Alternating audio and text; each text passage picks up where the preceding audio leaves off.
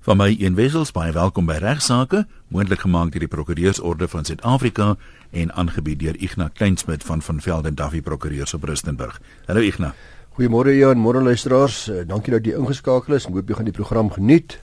So ietsie van alles 'n bietjie Jan en die eerste een is 'n uh, eh, kraamverlof en die vraag is of ons gemeenskap in ons regsposisie besig is om te verander wat kraamverlof betref. Ons weet almal dat die wet op basiese diensvoorwaardes toelaat dat 'n vrou vir 4 agtereenvolgende maande kraamverlof kan geniet.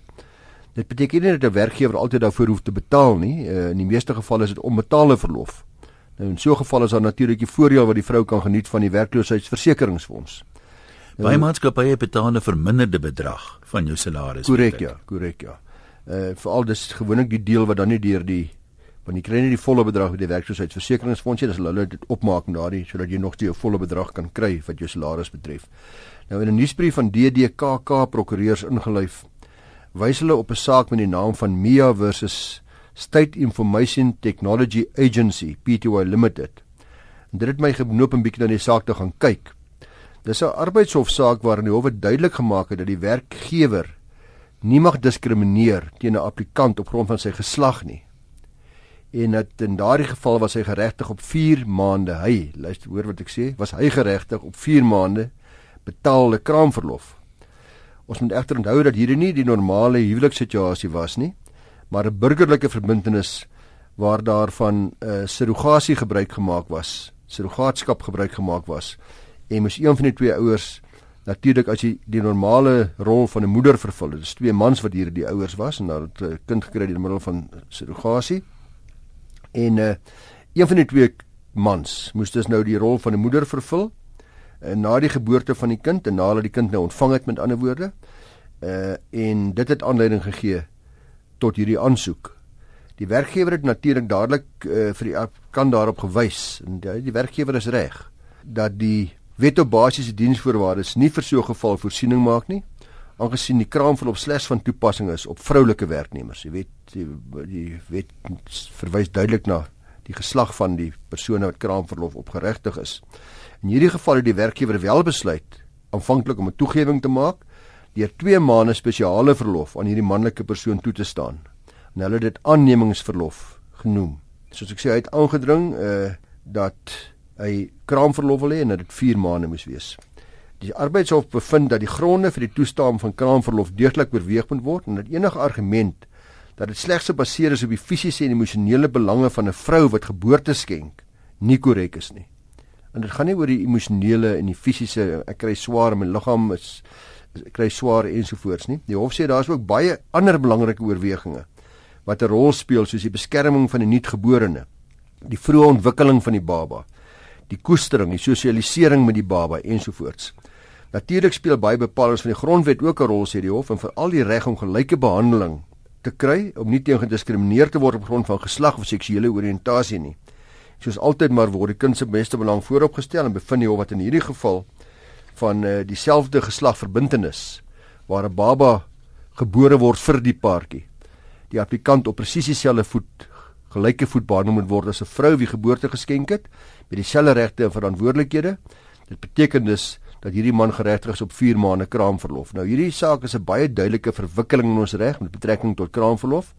Maar jy moet onthou dat dit beslis nie beteken dat mans in 'n normale huwelik waar die vrou geboorte skenk geregtig is op kraamverlof nie. Die spesifieke omstandighede van hierdie geval uh is duidelik anders te as daardie geval. Nou ek kan myself indink dat dit wel 'n rol sal speel waar ons sou besluit dat my vrou onmiddellik na die geboorte moet gaan werk as gevolg van finansiële oorwegings. Sy het 'n goeie werk en ek het nie 'n werk nie en terwyl ek die baba moet versorg vir die eerste maand of 2.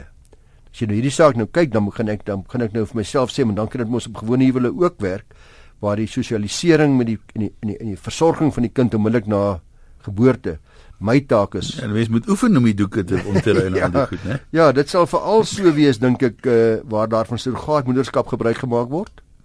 Uh en waar die fisiese geboorte geen invloed het op wie die primêre versorger gaan wees nie.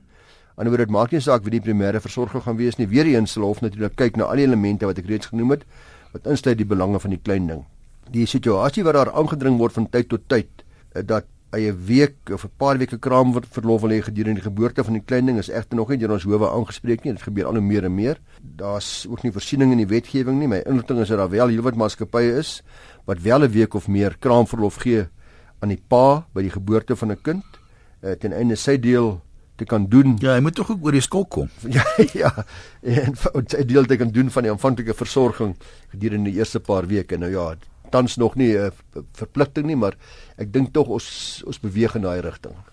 Dan het ons 'n uh, saak hierso Ian wat genoem word Fed Group Participation Bond Managers Limited versus Trustee of the Capital Property Trust Collective Investment Scheme in Property. Daai Fed is nou nie VET nie. Nee, dit is 'n uh, FED, soos Federation. Die persoon wat die boulyne oorskry het, sê hierdie saak is nie altyd geregtig op oordrag van die eiendom waarop hy die grense oorskry het nie. Nou wat hier gebeur het, die Fed Group, die appellant, het aanvanklik twee aangrensende stukke grond in Sunninghill, Johannesburg besit.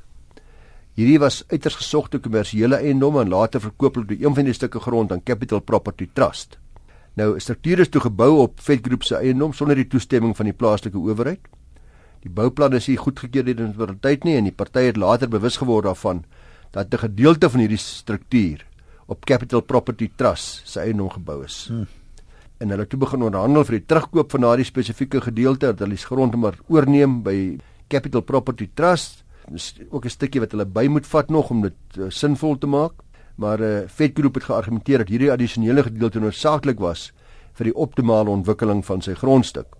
Onderhandelinge het skipbreek gelei, dit het doodgeloop en Vet Group het die hof genader en beveel dat uh, CPT, dis Capital Property Trust, die gedeelte waarop hulle gebou het uh, wat dan nou aan hulle behoort, sowel as die addisionele gedeelte aan hulle moet oordra. Natuurlik die betaling van vergoeding en die kostes daaraan verbonde.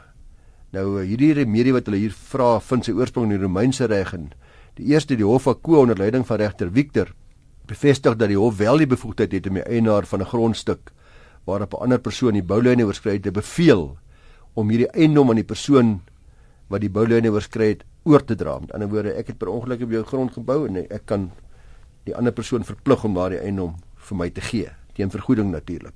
By uitoefening van hierdie diskresie sê die hof met 'n agname van al die feite bevind die hof dat sodanig bevel nie gemaak word in hierdie aangeleentheid nie. So jammer julle kan nie daai stuk grond eh, verplig word om terug te gee nie.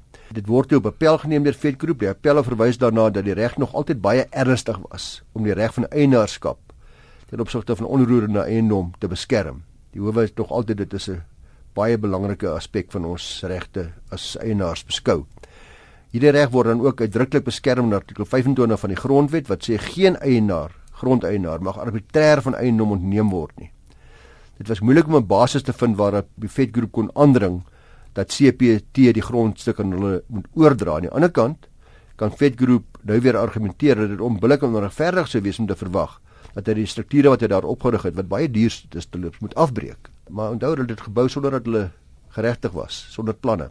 Hoe gebeur dit? Almal ja, weet tog jy moet planne goedkeur ja, voor jy kan bou. Dit gebeur gereeld soos klokslag. Die hof kan sy diskresie uitoefen om vergoeding aan die vetgroep groep toe te ken eerder as om beveel dat die strukture moet afbreek. En hierdie diskresie tree slegs in werking wanneer die eienaar van die eiendom waarop die struktuur gebou is, vra dat dit afgebreek moet word. Dit is egter duidelik dat die uh, vetgroep geen onafhanklike eisoorsaak gehad het nie. Die hof sê hulle kan nie vir CPT as eienaar dwing om afstand te doen van eienaarskap nie. Boonbehalwe dit het die hof nog nooit beveel dat grond groter as die gebied wat uh, hierso ter sprake was aan die ander party oorgedra moet word nie. Daar's geen so saak nog in Suid-Afrika nie. Meer as dit sê die hof was daar 'n wesenlike dispuut met betrekking tot die waardes van die eiendomme en CPT was oortuig dat hulle wesenlike skade kon ly indien hulle op vetgroep se waardes die eiendom moet oordra. Hulle bou nou 'n baie duur plek daar en nou moet hulle dan moet hulle betaal daarvoor. ja. Laastens het die hof ook daarop gewys dat die struktuur deur Vetgroep opgerig 'n onwettige struktuur was. So Vetgroep was nie suksesvol in hulle pogings om oordrag van die eiendom van CPT te kry nie en appel is dus van die hand gewys met kostes. Dit moet net weer vir ons wys ons maar versigtig wees vir ons bou. Dit kan ons baie duur te staan kom. Voorsorg bly maar beter as nasorg. Ek verstom my soms tot wat mense aanvang. Nou met die hof dit nou uitsorteer, maar ek meen wie by sy regte verstand begin dan sommer net voor die voet bou. Jy weet dis mos net nou nie 'n informele nedersetting waar jy hierdie is 'n lekker kolletjie kom ons bou hier. Hierdie is ongelooflike groot waardevolle eiendomme ja. in 'n gebied wat uh, wat baie baie dig bebou is. Aanspreeklikheid vir laster hulle. Hulle sê ek's 'n winkeldief, maar ek is nie. Is dit nou laster of nie? Hoe werk dit? Wel, if jy sê dief of nie. Ja, want Pieter se Pieter se versus Clicks groep en ander 2015 5 saak het die appellant Pieter se het die Clicks groep en hulle werknemer tweede verweerder gedagvaar vir skadevergoeding as gevolg van beweerde laster en injuria. Dit was nadat uh, Pieter se 'n winkeldiefstal beskuldig was deur die werknemer en haar handsak gevolglik deursoek is. Sy was egter nie in besit van enige gesteelde items wat hulle gesê het aan die handsak gevind gaan word nie. Daar was niks nie. Hulle was duidelik 'n fout gemaak. Die landros in die hof van eerste instansie die appellant se eis verwerp vir laster en op appel het die regter nou afsonderlik gekyk na eis om laster en injuria.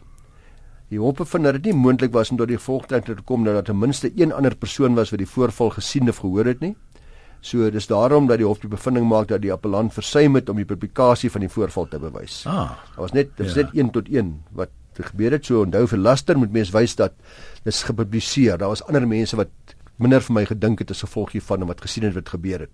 Wat die Nuria betref, het die hof voortgegaan om na die alternatiewe eis te kyk op die veronderstelling dat behalwe vir die vereistes van publikasie by laster, die benadering tot beide laster en Nuria dieselfde is, maar publikasie is nie nodig nie die element van animus ignorandi die opset om my te beledig met ander woorde vereis dat beide voorneme om te belaster en die kennis van onregmatigheid teenwoordig moet wees. Indien dit slegs nalatig is, sal 'n winkeleienaar of 'n werknemer steeds in staat wees om aanspreeklikheid te vermy indien hy of sy kan bewys dat daar redelike gronde was om te vermoed dat die kliënt dalk skuldig is aan diefstal, winkeldiefstal. So as ek dink, weet jy wat, ek daar's goeie gronde. Ek het dit gesien om dit is gebeur. Dit het mense vir my vertel en ek het goeie gronde om vermoed dat hierdie is 'n winkeldief. Dan is ek dalk net nalate gewees. Sê jy in die uitspraak wat die rede was hoekom die handsak deursoek is? Kyk, dan moes daar 'n suspisie van 'n aard ja, wees. Ja, die die hof kyk net die feite dan sê hulle bona fide fout deur 'n winkeleienaar of sy werknemer sou nie genoegsame nalatigheid daarstel nie. Behalwe as daar nie 'n mate van redelike sorg was nie. Nou hierdie aangeleentheid sê beskuldig dat sy iets in haar handsak geplaas het sonder om dit daarvoor te betaal. Nou hierdie beskuldiging tesame met die deursoek van die Jansak sê die hof maak beslis in Julie uit. Daar's beslis belediging daarin. Die tweede respondent, dis wat jy nou vra, dis nou die klikse werknemer het ook versuim om die feitelike basis waarop sy die vermoede bestaan het dat daar 'n winkeldiefstal plaasgevind het behoorlik te bewys of uit te wys. Dit het nie sin gemaak nie. Verder het die werknemer die grense van haar gesag oorskry en opgetree teen 'n uitdruklike maatskappybeleid om die handsak te deursoek in die omstandighede soos sy dit wel gedoen het en die hof sê gevolglik is die appellant geregtig op skadevergoeding vir haar eis gebaseer op injuria en uh, sy kry toe R25000 by die hof plus kostes. As jy nou net ingeskakel het, jy luister na RSG en ons is reg vir die tweede deel van vandag se regsaake. Ek nou waaroor praat ons? Ja, ek het so oor die laaste jaar of wat het ek 'n klompie vrae bymekaar gemaak van wat die man op straat wil weet oor versekerings wat wat terminologie betref, soos byvoorbeeld versekeraars sluit dikwels gevolgskade uit. Nou wat is dit? Wat beteken dit? Wat sê hulle hulle gaan nie gevolgskade betaal nie. Nou gevolgskade is skade wat nie direk voorspruit uit die gebeurtenis waarteen jy verseker is nie. Nou wanneer 'n dief byvoorbeeld jou motor steel en in die proses uh, met 'n ander voertuig bots en wegry, sal jou versekering wel die diefstal van die voertuig uitbetaal. Maar waarskynlik argumenteer hy die skade aan die ander voertuig sogenaamde gevolgskade is en te ver verwyder is van die gebeurtenis waarteer jy verseker is. Uh naamlik die diefstal. Uh ook nie die motorvoertuig byvoorbeeld wat jy huur of die moontlike wins wat jy kon maak uit die transaksie waarna jy op pad was nie. Ek ry met my motorvoertuig. Nou is daar 'n botsing. Ek is verseker vir die botsing. Of dat my kar word gesteer terwyl ek in die boom stop om gou 'n uh, draai te loop of wat ook nogal en ek se pad na 'n vergadering toe waar 'n groot transaksie moet plaasvind. Nou verbeur ek daai transaksie. Of ek verbeur my vlug. Die vraag is hoe ver is is daar kausaliteit? Hoe ver is die gevolg verwyder? Ek kan myself verseker teen die gevolgskade, maar dis baie moeilik om versekerings daarvoor te kry. Gewoonlik sal gevolgskade uitgesluit wees. Dis wat gevolgskade is. Dan het hulle ook gevra wat is die verskil tussen omvattende versekerings? Kan ek iets vra oor die gevolgskade? Ja, Vat in jou voorbeeld, diefstal jou motor, ry iemand anders vas, daai is nou die gevolgskade, maar jy is nie eintlik daarvoor aanspreeklik nie. Ek meen, gaan daai persoon geniet dit van jou kan eis persoonlik. die skade aan sy motor net omdat dit jou voertuig was, maar jy was nie die bestuurder nie. Nee, hy gemaak dan argumenteer, kyk, ek is wel verantwoordelik vir dit vir die bestuur deur my werknemer in die loop van sy besigheid. Ja. Maar die dief in hierdie geval beslis nie aanspreeklik nie. Ek bedoel nie, nie van my kant af nie. Ja. Uh, maar nou is die skade aan my voertuig wil ek nou verhaal. Maar dit moet jy net maar op self dan. Ek doen ek het nou net diefstalversekering gehad. Ja. Dan sê jy of nee jammer. Daai is te daai dis te ver verwyder van van wat die wat hier gebeur het. Dan wie met hoop die dief hou aan ry en jy sien hom nooit ja. weer. ja. Dan vra wat jy verskil tussen omvattende versekering en dan brand, diefstal en balans van derde party. Dis wat genoem word. Brand, diefstal en balans van derde party versekering. Nou omvattende versekering by motor dek benewens die skade wat aan jou eie voertuig aangerig word ook die skade aan die voertuig van wie jy gebots het indien jy natuurlik nalatig was indien die botsing deels jou fout was en jy normaalweg daarvoor aanspreeklik sou wees. Nou balans van derde party versekerings betaal slegs die skade aan die ander voertuig. Aan die ander wyse my voertuig is nie verseker nie. Dis 'n redelike goedkoop versekering hierdie. Jy maak eintlik voorsiening dat jy in die Rolls-Royce vasry. Ja. En jy's bang dat daardie versekering jou karretjie is maar net 100 000 rand werd, maar jy weet nie in wie jy gaan vasry nie. Nou vat jy derde party versekerings. Die balans van derde party versekerings betaal slegs die skade aan daardie voertuig en uh is gewoonlik dan ook baie goedkoop maar baie belangrike versekerings. En soos ek sê omvattende versekerings dek al by jou kar en die ander voertuig. Dan vra iemand ook wat beteken subrogasie? Dis ook 'n vraag wat gereeld gevra word. Subrogasie, wat is die implikasie daarvan vir my as versekerde? En dis 'n baie belangrike begrip hierdie. Indien jy skade ly weens die optrede van 'n ander persoon, dan kan jy natuurlik die skade van daardie persoon verhaal indien hy nalatig was. Indien albei partye verseker is, word die verhaling gewoonlik sommer tussen die twee versekeraars afgehandel. In 'n woorde hulle allerlei reëlings met mekaar. Indien jy wat skade ly nie verseker is nie, dan moet jy die nalatige party dagvaar om jou skade te verhaal in die aard van die saak. Indien jy egter wel verseker is en jy versekeraar betaal jou skade, dan kry die versekeraar die reg om namens jou die nalatige persoon te dagvaar en die opbrengs te hou vir hom vir die versekeraar self. Nou die versekeraar tree dan as ware in die skoene van die versekering. Dit word dan subrogasie genoem. Anderwoorde die reg van die versekeraar om namens my te eis, normaalweg het die versekeraar geen belang ABC maatskappy kan nie namens Ignas Kleinsmith eis nie. Behalwe in die versekeringsreg. Volgens die leerstuk van subrogasie, hy word outomaties in my plek word hy geplaas en hy tree dan in my skoene op as dit ware. Die versekeraar spesifiseer gewoonlik in die polis dat die versekeraar nie die versekeraar se subsigasieregte mag beperk nie. Dit beteken dan ook dat ek mag nie enige reëlings met die ander party tref oor betaling van skade nie. As ek my eis gaan instel, dan kan ek dit nie doen nie. Dis nie meer my reg om met die teenparty van hom te verhaal nie. Ek kan bijvoorbeeld nie skik moet agter hoor die ouetjie goed betaal jy dit 60% van my skade of so iets nie. Uh want die versekeraar gaan my ten volle uitbetaal en hulle kan ten volle van die ander party eis. So ek mag niks doen wat die versekeraar sou verhoed om 'n nalatige party aan te spreek vir die skade nie uh, en hy sou moet saamwerk en getuig in enige hofsaak ensovoorts. Dis die leerstuk van subrogasie. En dan is daar ook vrae oor tot watter mate moet die versekeraar ingelig word oor verandering van die versekerde omstandighede. Ek het dit reeds hanteer ek dink verlede week toe ons gepraat het oor openbaarmakingsplig en ook 'n paar weke terug, so ek gaan dit nie nou weer hanteer nie. En wanneer kan jy iets verseker? Wat beteken versekerbare belang? kan ek byvoorbeeld jou motor verseker wat ek van jou hou of mm, uh, wat mag ek doen die begrip versekerbare belang is slegs 'n ander manier om te vra het die versekerde 'n verlies gely jy kan slegs iets verseker indien jy finansiële verlies ly indien daardie voorwerp wat jy verseker wegraak vernietig of beskadig word so indien jy jou seun of dogter wat reeds in die huis het is nie meer jy onderhou word jy se motor verseker maar die motor word deur jou seun of dogter self betaal en onderhou is daar geen verlies vir jou wanneer die motor byvoorbeeld gesteel sou word nie dat jy nie versekerbare belang nie. Daar's geen regsplig op jou om die motor te vervang nie. Dis lei jy geen skade nie en in so 'n geval het jy nie belang in die motor nie en dan uh, kan jy die motor in ander woorde nie verseker nie. En dit uh, gebeur nogal dikwels dat mense dit nie besef nie. Jy sal byvoorbeeld kry dat na 'n egskeiding die partye is geskei, ek en sy bates hoort in homself. Hulle was binne gemeenskap en goed getroud gewees. So my meubeltjies en my dit alles word deur op jou polis verseker. En ons is gelukkig getroud. Nou skei ons en nou besluit die een party ag ek gaan my aanhou om jou versekerings te betaal. Jy het nou die helfte van die meubels gevat na jou woonstelletjie toe en ek het die ander helfte in my huis waar ek nog gaan dit mag wees. Ek sal die versekering op my naam hou. Tuurlik, daar's nie meer 'n versekerbare belang nie. Daai goed behoort nie meer aan jou nie. Jy het geen verlies ook as daardie goed van jou vrou gesteel word of vernietig word nie. So wees maar versigtig ook daarvoor. Dan is daar 'n ander woord wat gereeld in versekerings opkom. Dit is die uh awery begin. Ja, ons het toe nie te lank terug nie was daar 'n brief ja, daaroor. Dit lei tot baie ongelukkigheid onder die versekerings. Die publiek moet daarop let dat alle huise nou teen vervangingswaarde verseker moet word. Uh daarinteen gebeur dit gevoeld gereeld dat voertuie oorverseker is. Ons het nou net daaroor gepraat. Versekerings behoort jaarliks die versekerde waarde van die voertuig aan te pas ooreenkomstig die markwaarde. Hou maar gedagte as jy dit nie doen nie, dan gaan die average beginsel in werking tree waarin jy deel van jou eiendom self verseker het. En dan word net 'n deel van jou versekerings uitbetaal. Een dit is min of meer die belangrike begrippe wat ek graag net vinnig weer wou behandel het met uh, ons luisteraars en vrae wat gereeld gevra word. Dan het ons 'n uh, bietjie wil gesels oor kommersiële mediasie. Die vraag hoe werk dit? Wat is dit goed? Is dit nie goed nie? En uh want met litigasie word daar dit word te duur. Dit word te tydrowend. Ons sien in die saak wat ek hanteer 5, 6 jaar daarna dan kom jy by die appelhof uit. Die proses is ongelooflik duur, groot frustrasies, groot irritasies terwyl met uh, mediasie kan jy natuurlik kyk of jy dit nie baie makliker kan doen nie.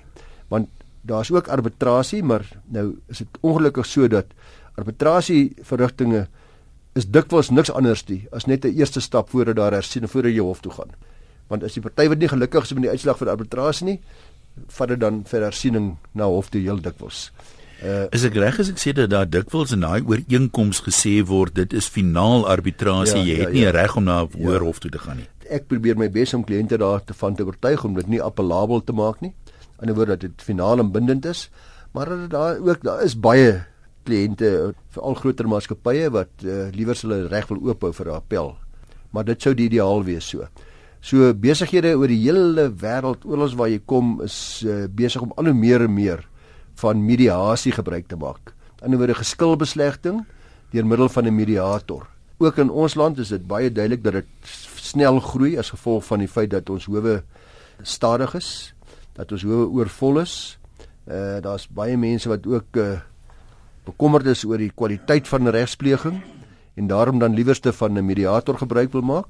Kom die partye dan ooreen op 'n spesifieke mediator of 'n arbiter wat nie ja, weet waarvoor ja. hulle dan waar hulle vertroue het of loop jy ook die risiko dat iemand kan kry en sê o, oh, hierdie ou weet minder as ons? Nee nee, daar daar's geen twyfel dat dit 'n geleentheid albei met saamstem met die mediator gaan wees. As daar nie ooreenstemming is nie, dan kan dit dan gaan dan die mediasie wees. Ah, maar wat dikwels gebeur in kontrakte om hierdie probleem op te los, So dan te sê, goed, ek stel vir A voor. Jy stel vir B voor. As nie een van ons kan ooreenkom nie, dan kan A en B saam besluit op C wat in die mediator gaan wees. Wat ook dikwels gebeur, die president van die prokureursorde vir die noordelike provinsie sal die mediator aanwys. Of die president van die die voorsitter van die vereniging van eiendomsagente.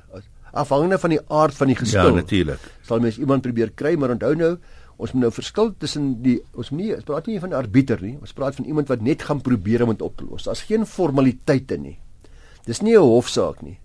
Dis 'n is iemand wat kyk of ons twee bymekaar kan kom ons geskil kan oplos met 'n middelman wat objektief is. Ja, so dis meer 'n bemiddelaar as 'n arbiter dan dis presies wat dit is is 'n bemiddelaar want die sukses van kommersiële mediasie hang ook baie af van die kwaliteit van die bemiddelaar uh, maar dikwels sal die bemiddelaar dan 'n vat en gee situasie wees en van die, van hulle is uitstekend.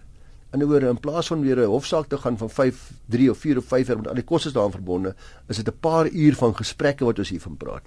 En vat en gee en risiko's verduidelik en dan skikkings vir die inkomste aangaan. Tussen die partye uiteindelik beskrif, maar dan sê goed, ons het nou ooreengekom om die volgende wyse hierdie saak te skik.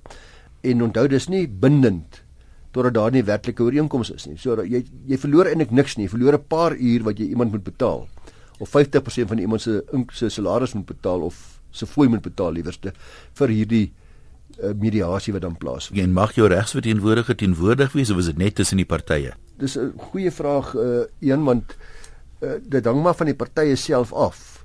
Mediasie werk gewoonlik beter sonder regsverteenwoordigers sonder mense wat te slim wil wees en wat allerlei tegniese punte wil vat en wat mekaar wil dreig met hoe goed of hoe sleg my saak is. Mediasie voorveronderstel eintlik dat ons wel toegewings gaan maak dat daar nie 'n wenner of 'n verloder gaan wees nie. Dat ons gaan by mekaar uitkom om om die geskille wat eintlik vir ons baie groot lyk aan te dui dat dit eintlik op 'n ander manier opgelos kan word. En dis en hmm. aardig hoe hoe suksesvol dit kan wees as jy 'n goeie mediator het wat mooi luister en wat objektief is en wat eintlik konsentreer op om om dit wat ons kwaad maak vir mekaar so 'n bietjie uit die weg uit te ruim.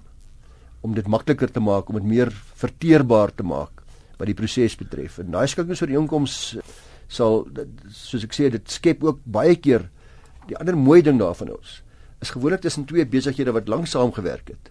Dit skep ons ook die moontlikheid dat hulle weer kan saamwerk. So daar's ook weer nuwe samewerkings, samewerkingsmoontlikhede. Ja, ja. In 'n woorde, gee jy nou hier toe, dan gee ek my volgende besigheid vir jou. So ons gaan mekaar weer in die toekoms help. Hier waar ons nou verloor, gaan ons in die toekoms weer regmaak. Wat my betref 'n proses wat mense moet regtig ernstig oorweeg. So jy skakel jou prokureur of jy kry iemand in wie jy vertrou het in die regsberoep. Dis sê hoorie sal jy asseblief ons mediator wees.